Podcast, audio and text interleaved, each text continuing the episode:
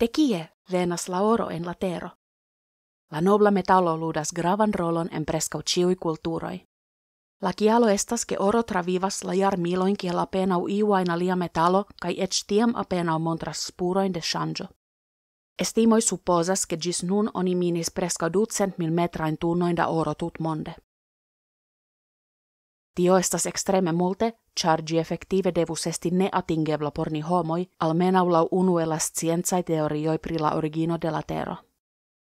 Lau citio, en la malproxima pacintetso, la planedoi estigis per colisioi de miliardoi da malgrandai cielai corpoi. Tiel dum la tempo pli grandai buloi formigis. La elemento oro, kiel componanto en la construa materialo de la galaxioi, sinkis en la metalrichan kernon de la planedo pro gia alta densetso.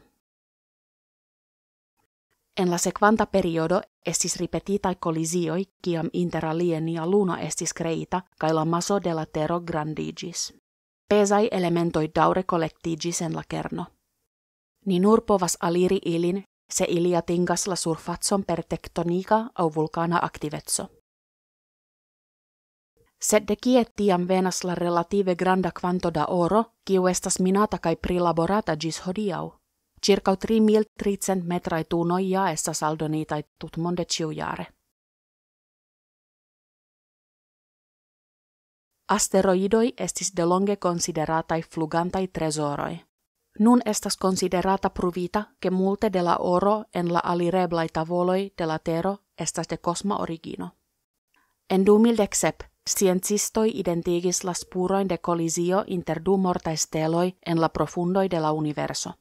Citiui neutronai steloi ne estis precibe grandai, sed ili havis extreme compactan masson. Dum la collisio ocasis ec brilo, tiel nomata gamma radia ec brilo. Gi ne nur liberigis plida energio ol nia suno en kelkai miliardoida jaroi, sed eventuale anka multe da oro. Citio estas sugestita de registritai lumai ondoi. NASA sciencistoi taxis, che citiu collisio povus liberigi tiom da oro, che gi povus esti usata por formi circa ducent mondoin.